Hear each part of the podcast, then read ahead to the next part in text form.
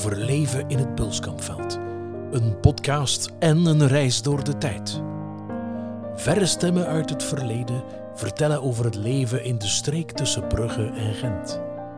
Hoe onze voorouders leefden en overleefden in een steeds veranderend landschap. De streek zoals we ze nu kennen draagt de sporen van meer dan 2000 jaar bewogen geschiedenis. Vijf maanden lang gaan we op zoek naar de verhalen die verborgen zitten in deze prachtige streek.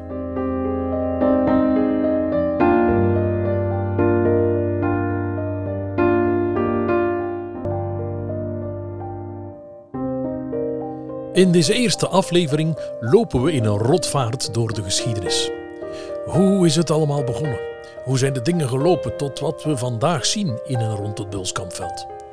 Wel, Gwyn vertrok met een zak vol vragen en keerde terug met een karrevracht antwoorden. Dag Bart, het Bulskampveld.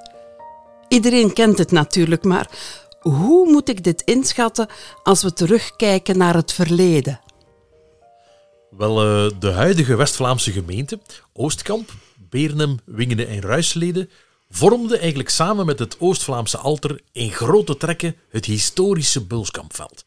Dat, dat, dat, is een gigantische oppervlakte van goh, zowat 10.000 hectare.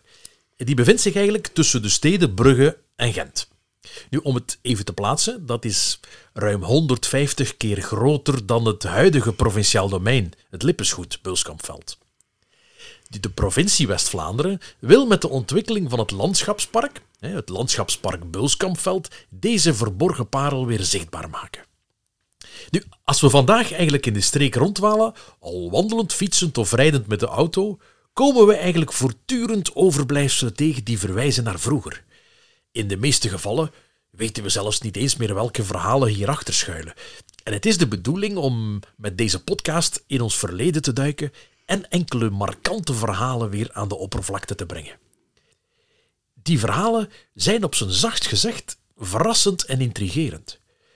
Om het met de woorden van Willem Vermanderen te zeggen: Keer domme den dit dat hier passeert en God verleden weer vinden. Oké, je maakt mij alvast nieuwsgierig. Maar kun je voor de luisteraar eens kort en bondig samenvatten hoe het Bulskampveld ontstaan is? Oh, ja, dat, uh, dat is geen gemakkelijke vraag. De naam Bulskampveld vinden we pas voor het eerst terug op een document uit 1149.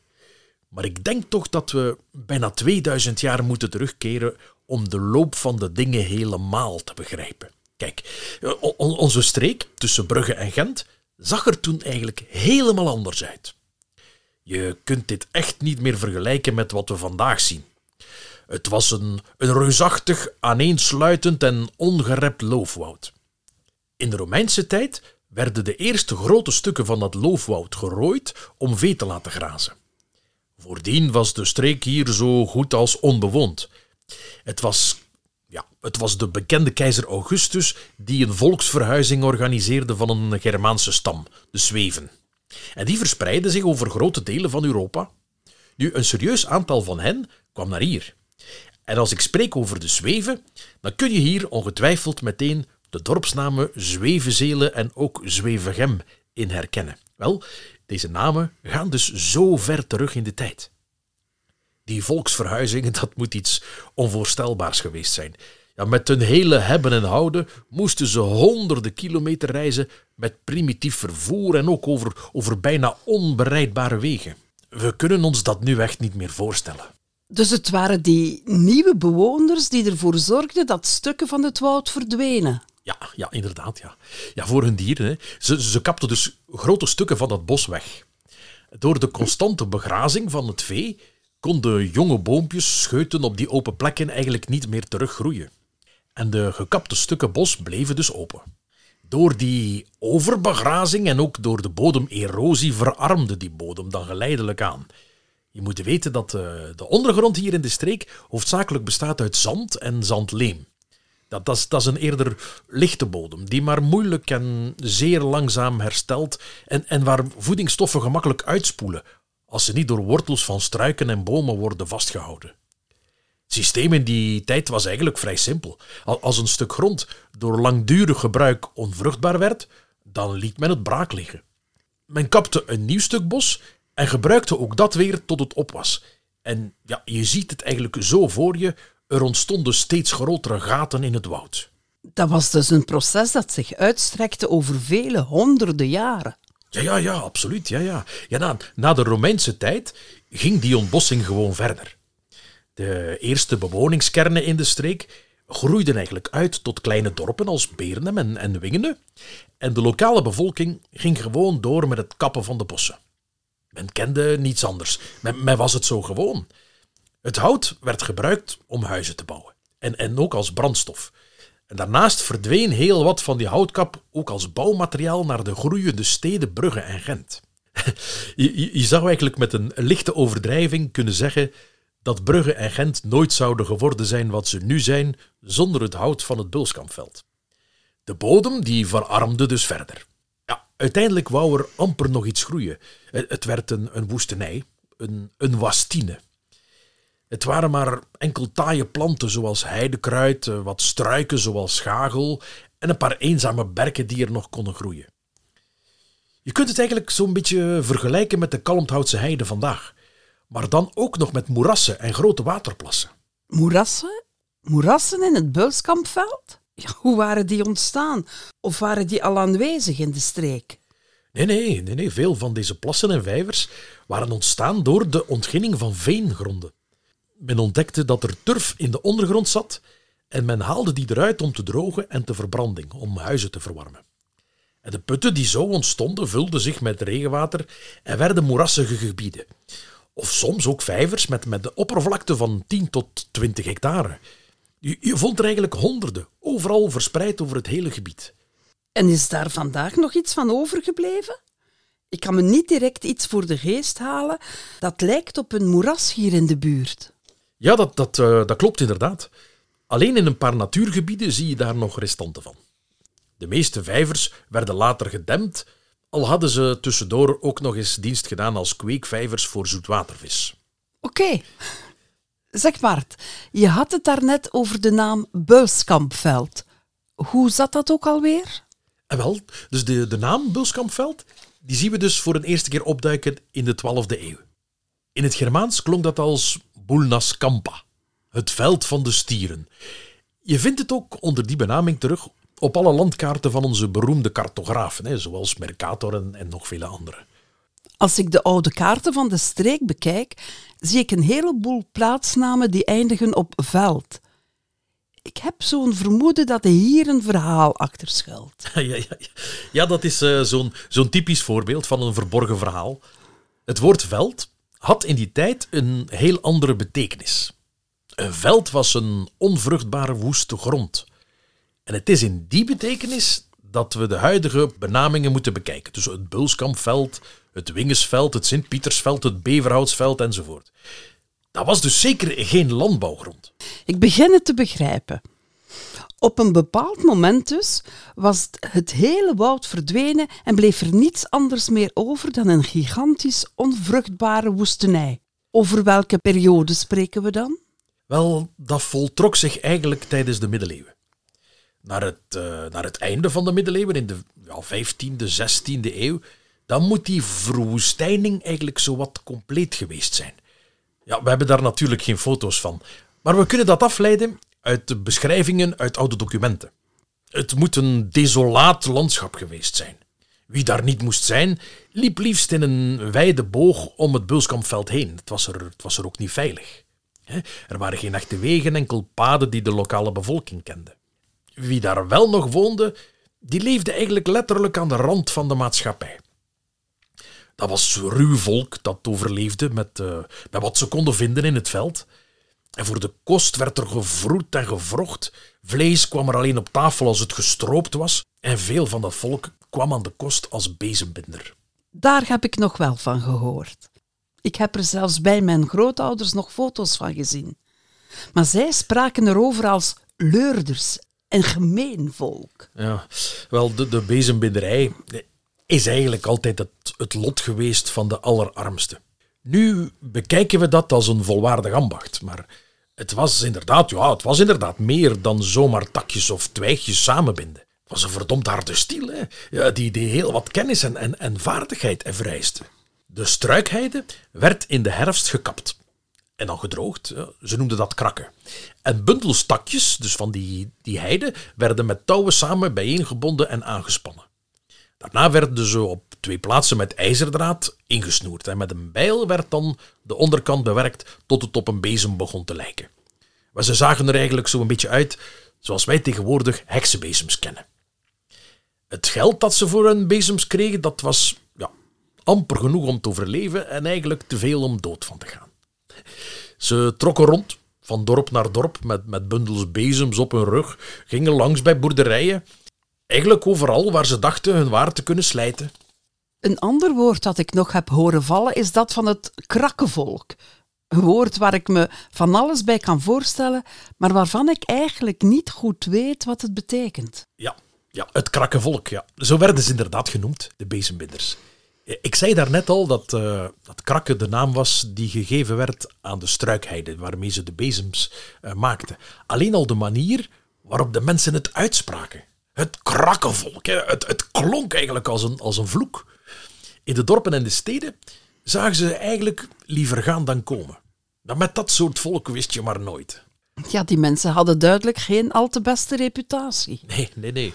Dat was waarschijnlijk niet helemaal onterecht, maar uh, ja, hoe zou je zelf zijn?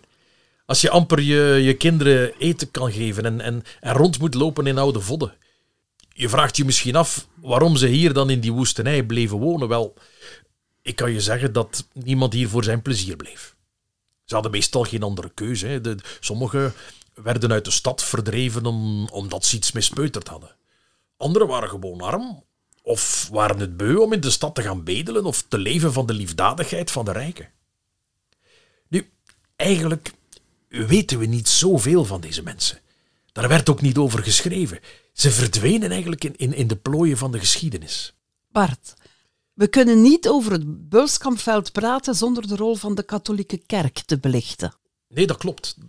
We zien vandaag dat de invloed van de kerk op de samenleving eigenlijk razendsnel afneemt. Maar dat is vroeger inderdaad anders geweest. In het dorp of de parochie speelde de katholieke kerk en dus de pastoor een allesbepalende rol. Van bij de geboorte was dat tot aan het overlijden. De kerk in de zelfs belastingen. Wel, we, kennen een van die oude belastingen nog onder de naam de tiende belasting. Deze belasting diende dan voor een derde om de armenzorg te betalen. En een derde voor het loon van de priesters en nog een derde voor het onderhoud van de kerk. Het was daarom belangrijk dat de parochiegrenzen duidelijk afgebakend waren. Ja, het gebeurde wel eens dat, de, dat een van de dierbare parochianen eigenlijk zijn tiende betaalde aan een naburige parochie. Daarmee wil ik natuurlijk niet zeggen dat de dorpsherders afgunstig waren. Bedoel je dat pastoors dus onderling wel eens ruzie maakten over wie het geld of de tiende opbrengst kon krijgen? Dat blijkt alleszins uit verschillende geschriften die bewaard gebleven zijn. Uh, daar is trouwens een interessant verhaal over bewaard gebleven. In 1242 kwam bisschop Walter de Marvis van Doornik in eigen persoon naar het Bulskampveld. Dat was niet zomaar een beleefdheidsbezoek. Hij kwam hier om de grenzen van de parochies af te bakenen. Er moest nu maar eens eindelijk duidelijkheid komen. Je moet weten dat het bisdom Doornik zich in die tijd uitstrekte over een groot deel van het graafschap Vlaanderen. Monseigneur Walter de Marvis kwam dus te peerde naar hier met een heel gevolg van slippendragers en secretarissen. Het systeem dat hij gebruikte, dat was even simpel als efficiënt. Op opvallende elementen in het landschap werd een kruis geschilderd. Dus dat kon een boom zijn, maar evengoed een brug over een beek. Tussen die kruisen werd een denkbeeldige lijn getrokken en voilà, de grens was gemarkeerd. Nu, de ijverige secretarissen noteerden alles zorgvuldig op kaarten van de streek. En we zien vandaag dat de meeste van die parochiegrenzen nog steeds bestaan. Sommige bleven parochiegrenzen, andere werden later gemeentegrenzen en zelfs provinciegrenzen. Dat moet nogal kwaliteitsverf geweest zijn. Ja, geschilderde kruisen blijven natuurlijk niet voor eeuwig bestaan, dat klopt. Zelfs niet als ze geschilderd zijn door een bisschop. Daarom werden op die plaatsen later stenen kruisen geplaatst of, of kapelletjes gebouwd. De Marvis stichtte in één moeite ook nog de parochie Sint-Joris ten Distel. En hij moet echt een hele goede dag gehad hebben, want hij schonk ook nog het Sint-Pietersveld aan de parochie Ruisleden. Als ik het goed onthouden heb, was tegen het einde van de middeleeuwen het woud zo goed als eh, volledig verdwenen en was de grond door intensief gebruik onvruchtbaar geworden. Maar hoe overleefden de mensen dan eigenlijk? Wel, dat is een goede vraag, ja. We kregen in die periode een eerste ontvolking van de streek. Er kon niet genoeg voedsel meer verbouwd worden op het overblijvende vruchtbare land. In het landboek van 1727 lezen we bijvoorbeeld dat Beernem bestond uit amper 79 hectare akkerland, 14 hectare bos aan de rand van het veld en 1307 hectare onvruchtbaar heideveld en wijvers. Paradoxaal genoeg waren de redenen van die tijdelijke ondergang van de streek ook de kiemen voor het begin van de heropstanding, vele jaren later. Er, er ontstond voedselschaarste in de steden. Brugge en Gent bleven maar groeien. De landbouwgebieden rond die steden konden dus nog amper voldoen aan de vraag en dus werd er gezocht naar oplossingen.